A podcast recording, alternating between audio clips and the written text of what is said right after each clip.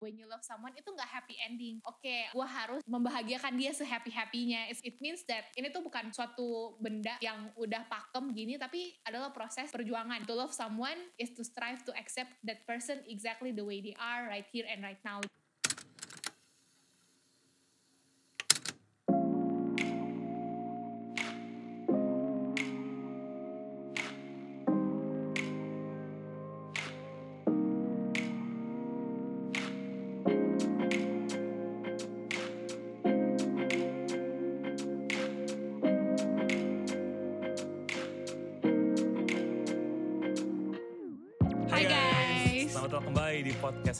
Podcast Hashtag Zona Aman bersama gue JP dan gue Cheryl. Nah, di mana kali ini gue dan Cheryl bakal bahas topik yang highly requested dari kalian. Uh, uh apa yaitu topik, uh, topiknya adalah relationship. Karena uh, banyak banget nih teman-teman gue yang nanya gimana caranya kalau misalnya gue punya mental illness dan gue mau kasih tahu ke pasangan gue kayak aduh susah banget, kayak gue gak ngerti ini apa. Lu lu lu dapet gak sih kayak gitu? Gue yeah, yeah, banyak yeah. ya. Sebenarnya um, sejak gue isi podcast Shine ini sih, jadi uh, mungkin karena teman-teman gue ngira kayak mungkin dia paham a thing or two about psychology kan. Jadi kayak gimana caranya um, kita nyampein gitu kalau kita punya mental illness ke partner kita. Karena ya mereka pikir um, itu lebih hard dan kayak banyak ketakutan dan juga nggak tahu mulai dari mana dan dia pikirnya kan kayak kita udah belajar dari kakak-kakak psikolog yang pernah datang ke sini kan yang ngisi.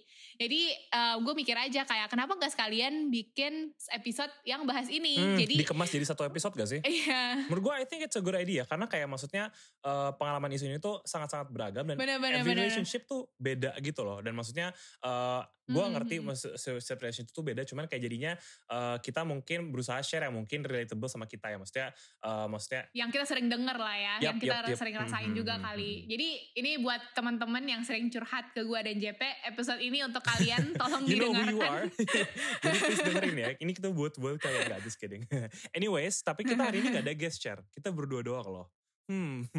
ya jadi uh, anggaplah kita lagi teleponan kayak um, kalian dengerin di rumah right, terus right, uh, lagi ngobrol sama gue dan JP tentang uh, gue lagi mau kabarin pacar gue nih kalau gue uh, lagi struggling gimana ya caranya ya? Hmm, kita hmm, hmm, ngobrol-ngobrol biasa kita ngobrol-ngobrol biasa gitu. Nah hari ini nih gue sama Sheryl mau bahas ini dari dua perspektif yaitu dari sisi uh, penderita gangguan kesehatan mental which is yang mau cerita dan dari sisi partner yang menerima. Hmm. buat kalian yang lagi dengerin episode ini mungkin kalian lagi dengerin ini karena yang per, alasan pertama menurut gue mungkin you're not feeling like yourself. You're feeling some type of uh, symptoms yang mungkin sempat diceritain juga sama psikolog-psikolog kemarin. Tapi uh, lu mau cerita ke partner, which is the closest entity dari lu. Tapi lu bingung mau gimana. Hmm. Dan hal ini dikarenakan uh, adanya stigma on mental health yang masih gede banget. Maksudnya the stigma is mungkin kayak baik lagi ya, mungkin kayak yang kurang ibadah, yang mungkin kayak yang kurang tidur lah, kurang ini kurang itu.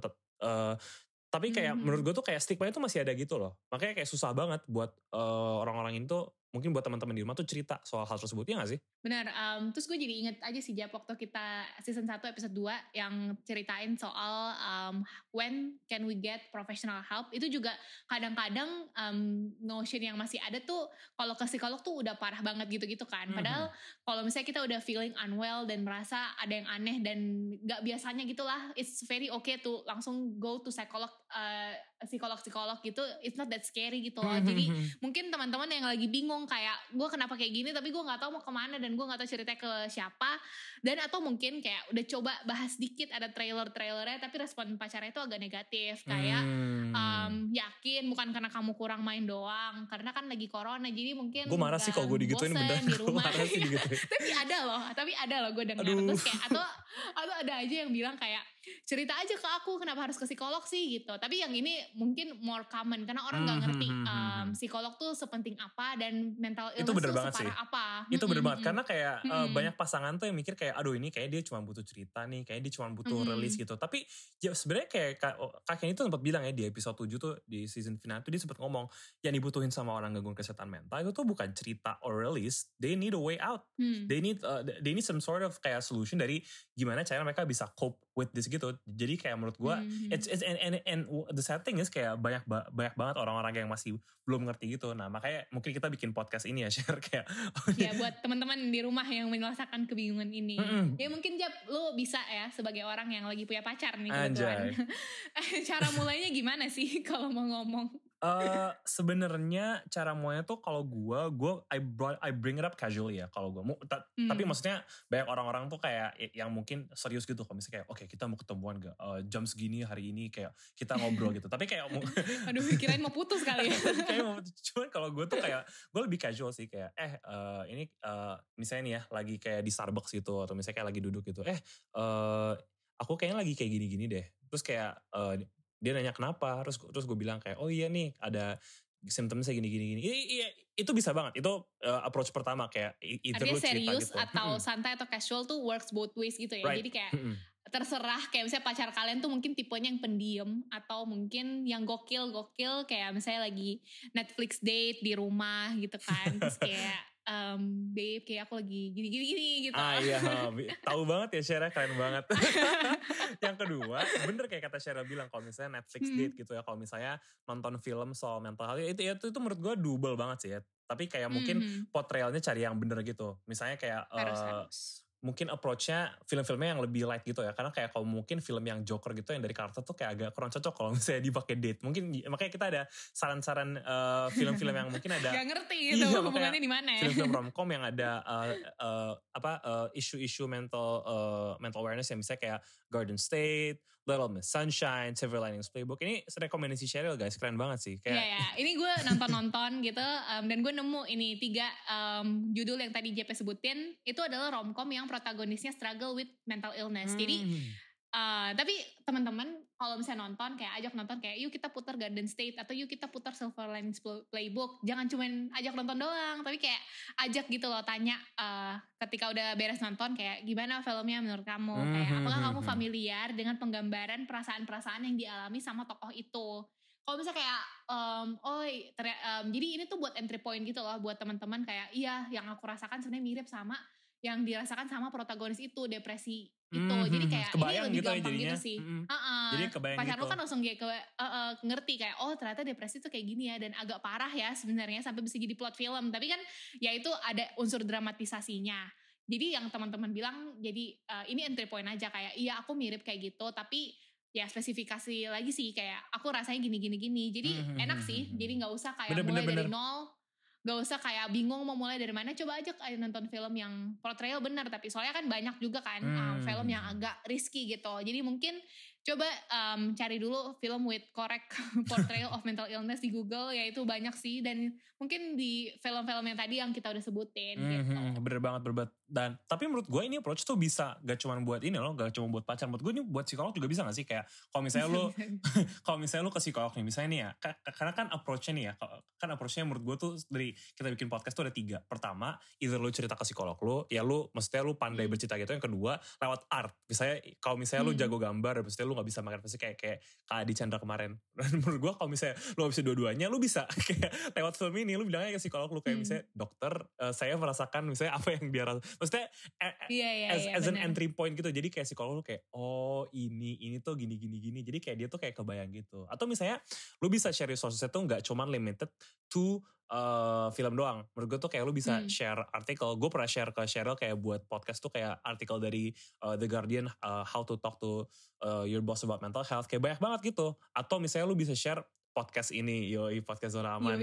Terus kayak lu nanti dengerin kayak sama pacar lu gitu berdua itu kayak... bener banget tau jadi mungkin langsung play aja nih kayak yuk kita nonton uh, dengerin podcast ini bareng-bareng karena jadi paham bareng-bareng kan ya, kayak ya, gimana portrayal mental illness dan challenge-nya apa. Jadi kayak langsung ngerti bareng gitu. Iya bener-bener bener banget. Jadi kalau misalnya kalian date gitu ya kalau misalnya kalian ngopi bareng gitu nong nong ski nong ski kayak estetik gitu coba aja kalian kayak pakai kayak headset gitu kiri kanan kan udah lucu tuh. Terus kayak nanti Aduh. terus nanti kalian kayak dengerin podcast podcast ini gitu. Nah itu kan tapi dari segi uh, gimana cara mulainya Nisha. Tapi kira-kira apa aja sih kayak substansi-substansi dan poin-poin penting yang harus di get across gitu. Jadi kayak pasangannya itu kayak mendapatkan penjelasan yang komprehensif. Itu kira-kira gimana tuh? Hmm, hmm, hmm. Dari gue kan ngumpul resources-resources dari kayak banyak uh, blog soal mental health, podcast-podcast dan kayak buku-buku psikologi gitu. Ya terus yang pertama yang gue notice adalah yang harus kita sadari kalau mental illness itu beragam banget. Jadi kayak mm-hmm. depresi yang dialami sama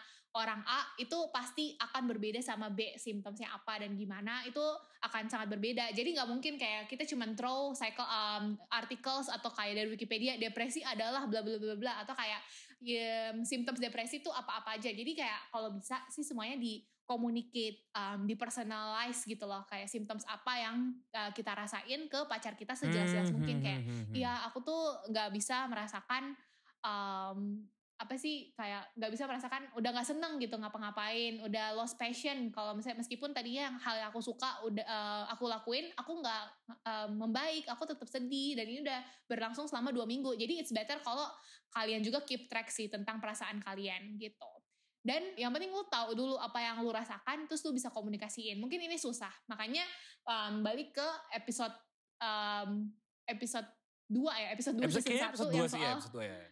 ya tentang how to seek help to professionals kan. Jadi professionals tuh akan bantu kalian guide um, tentang apa sih yang kita rasakan sekarang apa yang didiagnosa sekarang hmm, biar hmm, hmm, teman-teman tuh ngerti juga oh ternyata gini ya. Tapi mungkin um, sebelum kita ngomong the one thing import yang kita important to note adalah battling it up atau kayak gak ngomong sama sekali atau kayak oh, berusaha menyembunyikan yeah. mm -hmm. no matter how hard we try um, itu kayaknya nggak akan berhasil it, it, sih atau kayak itu mm -hmm.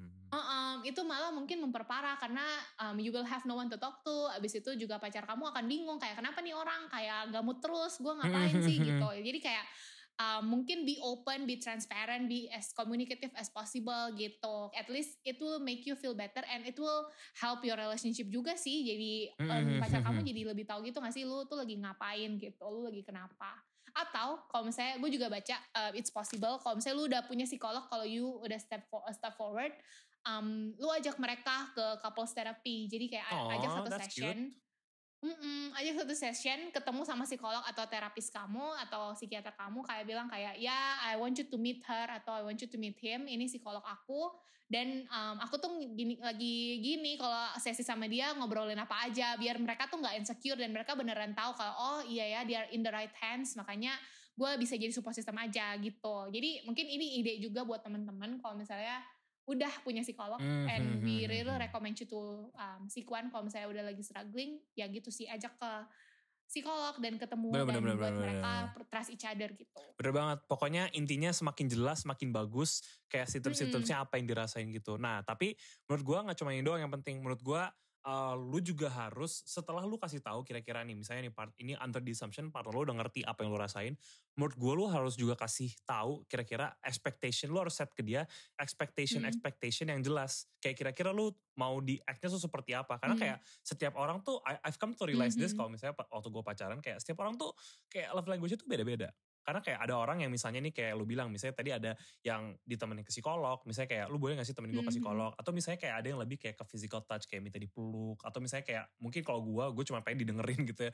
Kayak gue hmm. ngomong aja gitu yang banyak terus kayak pokoknya lu gak usah tanggepin tapi yang penting yaudah lu dengerin aja gitu gitu. Tapi kayak hmm. ya, what one trying to say is that it's important to draw the line. Kayak lu akhirnya jadi tahu akhirnya pasangan lu tuh tahu kayak maksudnya lu tuh maunya di kayak uh, di treat seperti apa. Karena kayak peran dia se maksudnya peran dia sebagai pacar tuh intinya tuh adalah se sebagai support system yang maksudnya mm -hmm. uh, dia tuh di sini tuh kayak yang dengerin lu, yang bener-bener support lu, like whatever you've been tuh makanya lu harus kayak jujur sama mereka gitu. Nah, tapi menurut gua peran dia tuh di situ hanya sebagai support system, tapi dia nggak bisa jadi satu-satunya aktor yang kayak nyembuhin lu kayak itu menurut hmm, itu banget, itu itu, itu menurut gue adalah tugas dari baik lagi itu tugas dari psikolog ataupun jadi uh, dari psikiater. Karena gue pernah cerita uh, temen gue cerita ke gue kayak gitu kayak uh, temen gue tuh udah pacaran sama pacarnya tuh waktu itu kayak dua tahun gitu. Terus kayak tiba-tiba pokoknya kan dua tahun is a long time terus kayak tiba-tiba dia kena hmm. uh, gejala gitu. Terus kayak pacarnya tuh cuma respon kayak eh kita tuh udah dua tahun kayaknya lu cerita ke gue kayaknya fine fine aja nih. Kenapa tiba-tiba lu kayak gini? Maksudnya kayak dia tuh mengambil approach yang kayak kira-kira tuh dia pengen menyembuhkan gitu. Terus kayak hmm. dia hubungin gue dan untung ada podcast zona aman guys.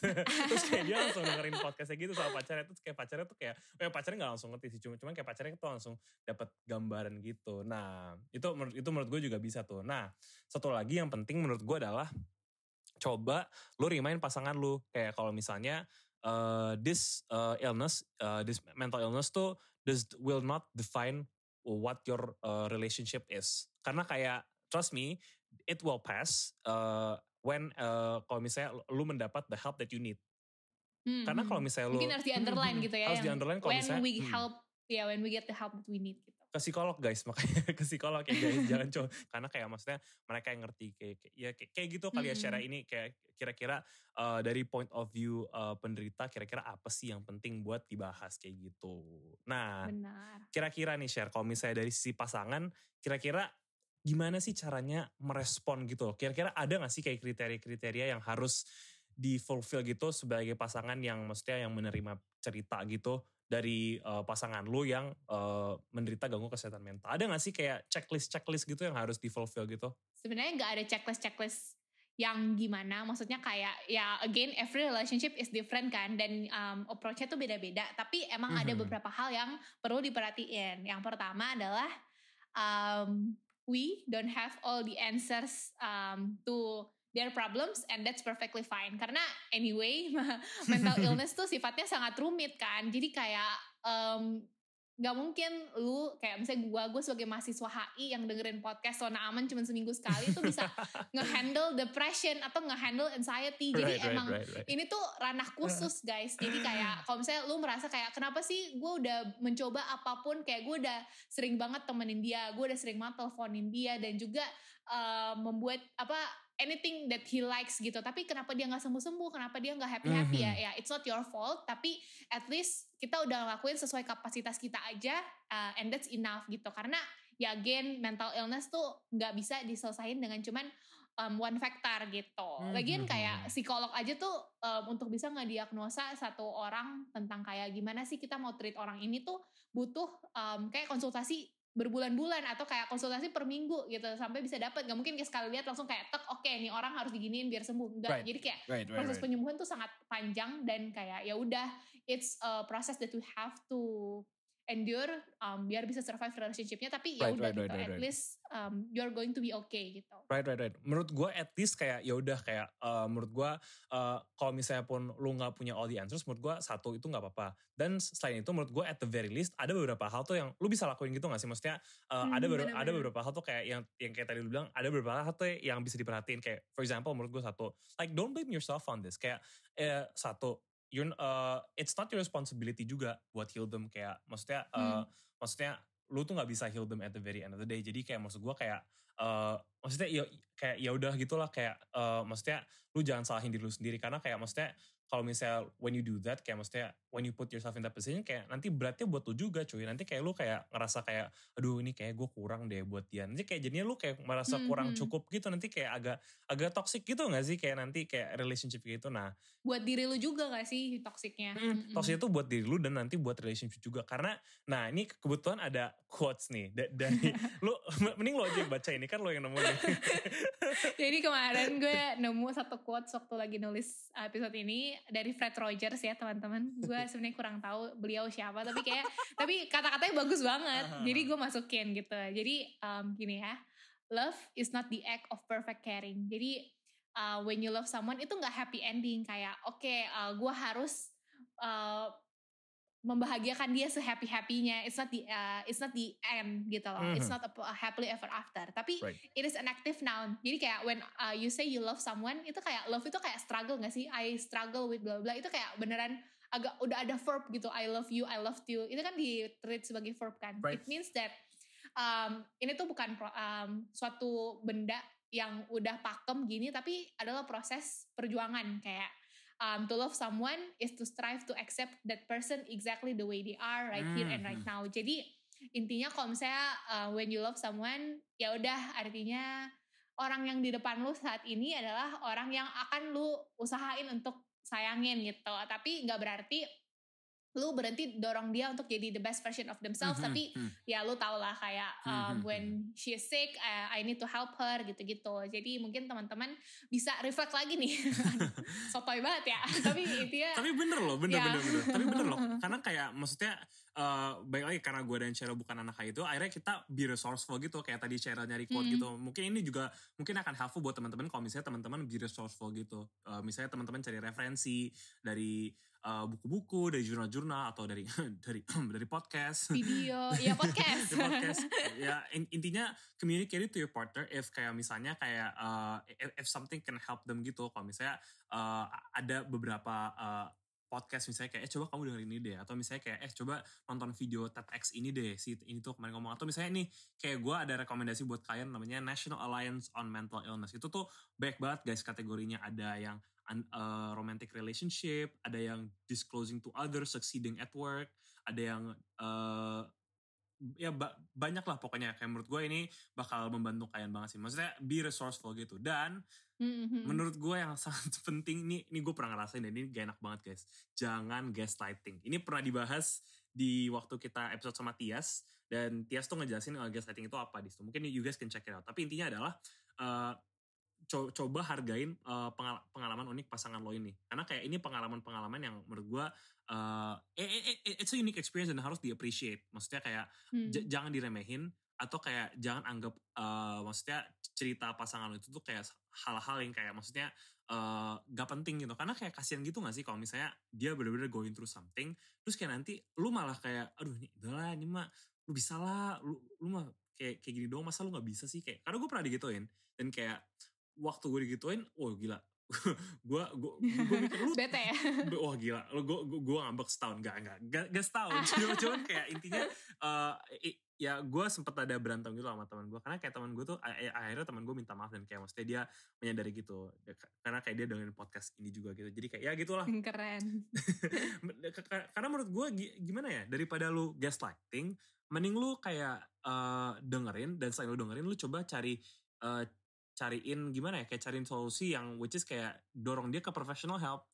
Karena kayak this is what they need gitu kayak uh, kalau misalnya lu dorong dia ke professional help uh, mereka tuh kayak tadi gue bilang they, they will find a way out dan uh, gangguan kesehatan mental tuh nggak bisa di solve hanya dengan kayak uh, uh, beberapa step-step yang maksudnya simple gitu lah it's a very complex problem dan butuh penanganan ahli gitu. Bahkan uh, eh, gue kenal uh, psikolog namanya dokter Sandi Orni. Dia S3 psikologi. Bahkan dia bilang sendiri kayak oh saya aja yang udah S3 psikologi masih butuh ke psikolog.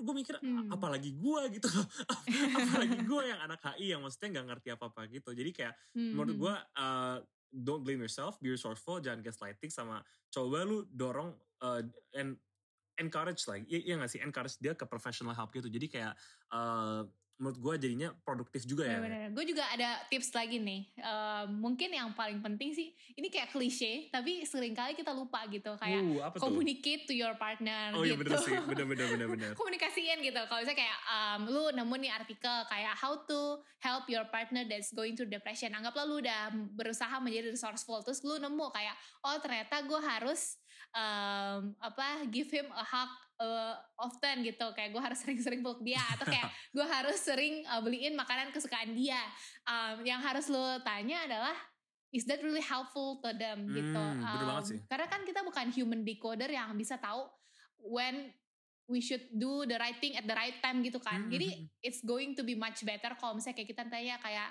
um, do you feel better after I do this gitu hmm. um, um, kalau gue ngelakuin gini gimana? Ini membantu nggak? Uh, is there anything that I can help you with gitu? Jadi pertanyaan-pertanyaan sesimpel ini sebenarnya itu membantu banget buat memperlancar kita uh, membantu mereka gitu. Jadi uh, kita energinya nggak kebuang sia-sia dan juga mereka terbantu beneran sama kita.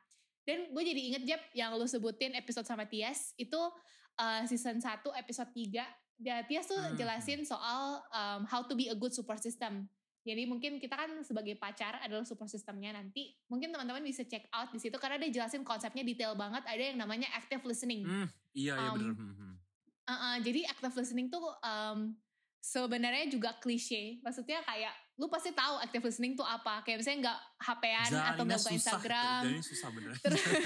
gak buka Instagram, main HP terus temen, uh, pacar lu cerita dan cuma kan oh oh ya ya oke okay, oke okay. hmm, hmm, gitu jadi kayak nggak you are not really there ketika mereka ngomong dan jadi interaksinya nggak genuine kan jadi itu worsen the relationship and your partner right. jadi enaknya kalau kita mengaplikasikan active listening, active communicating juga guys buat teman-teman yang lagi mau mempertahankan relationshipnya uh, mungkin bisa cek uh, season 1 episode 3 right, right, buat right, right. bisa jadi best support system gitu. Ah bener banget. Tapi gue mau highlight yang tadi lu bilang sih share. Kalau misalnya kita tuh nggak hmm. bisa serve as emotional dumpster. Karena kayak menurut gue setiap orang tuh akan punya limitnya masing-masing. Jadi kayak menurut gue jangan coba jadi Superman. Karena even a Superman has a kryptonite. Jadi menurut hmm. gue coba uh, menurut, menurut gue baik lagi sih. Kayak co, co, uh, bener kayak kata Cheryl coba aja active communication. Maksudnya uh, hmm. kenapa penting? Karena jadinya lu tahu parameter apa yang berhasil dan apa yang tidak berhasil buat pasangan lo hmm. jadinya kayak uh, semuanya tuh di di set jelas gitu loh. Jadinya kayak uh, uh, lu juga enak dan pacar lu juga enak. Jadinya kayak dan uh, yang yang menurut gue penting lagi adalah uh, jangan cuma jadi kayak maksudnya obviously kayak you love your apa sih your spouse gitu tapi kayak jangan lupa sayang sayangi diri lu juga. Maksudnya kayak mm-hmm. jangan juga uh, jangan lupain kalau misalnya lu tuh juga punya limit dan lu juga lu juga punya kebutuhan-kebutuhan uh, yang harus dipenuhi. You also have needs eh eh, jap jap gue juga inget deh ada teman gue yang curhat um, dia kan juga struggling kan uh, bukan bukan dia yang struggling tapi dia pacaran sama yang lagi struggling uh. gitu hmm, hmm. terus dia merasa kayak nggak enak gitu kalau misalnya gue curhat kalau gue lagi stres nanti gue mau membebani dia dong gue jadi kayak um, enak nanti bikin dia sedih juga karena gue juga ada stres sendiri uh, yeah. um, jadi mungkin buat teman-teman yang wondering kayak kalau misalnya partner gue punya mental issue apakah is it wise for me to communicate my negative feelings to them gitu. Um, gue sering sih dapat pertanyaan kayak gini. Hmm. Yang mungkin um, personally ya, I think relationship should always work both ways. Jadi kayak nggak mungkin kan lu um, terus-terusan jadi ya itu tadi yang JP bilang emotional dumpster yang lu cuma terima-terima terima doang.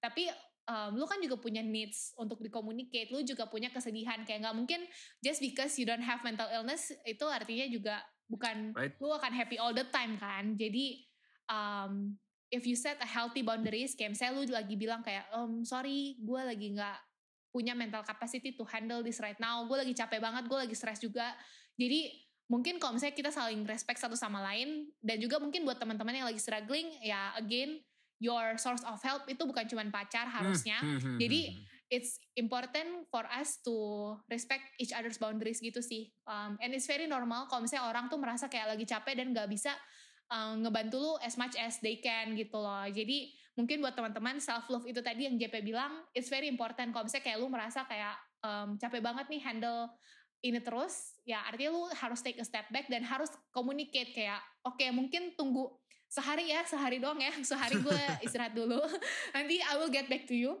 Itu bakal and I will be there for you. Ya itu kan jadi kayak in the long run jadi akan kuat gitu loh. Nggak hmm, hmm, kayak hmm, sprint um, lu bantu sehari dua hari tapi itu capek banget kan. Jadi right, mungkin right, buat right, teman-teman right. it's very important to draw a clear lines kayak lu kapasitasnya di mana dan ingat juga kayak we don't serve as their superhero gitu. Mm -hmm, bener-bener banget. Mungkin untuk apa aja kali ya share. Kayak kita udah belajar mm -hmm. banget nih kayak hari ini uh, kita udah sharing soal gimana caranya eh, awal-awal kayak buat kayak kita mulai sharing sama partner kita nih dari dari dari dua perspektif sorry dari perspektif yang penderita gangguan kesehatan sama partner kalau dari sisi penderitanya mungkin pembawaannya bisa seserah lah kayak menurut gue mau serius atau mau santai mau casual it works both ways kayak tadi gue bilang mm-hmm. mungkin bisa lewat approach yang share resources itu bisa itu film atau misalnya itu artikel atau itu podcast jadi kayak at least bisa jadi entry pointnya gitu lah ya. Jadi kayak bisa ganti, mm-hmm. bisa kasih gambaran kira-kira pengalaman kamu tuh kayak gimana. Nah, selain itu tuh kita udah belajar juga nih kira-kira apa aja sih yang di, apa aja sih yang kira-kira key pointsnya nih yang perlu diceritain. Kira-kira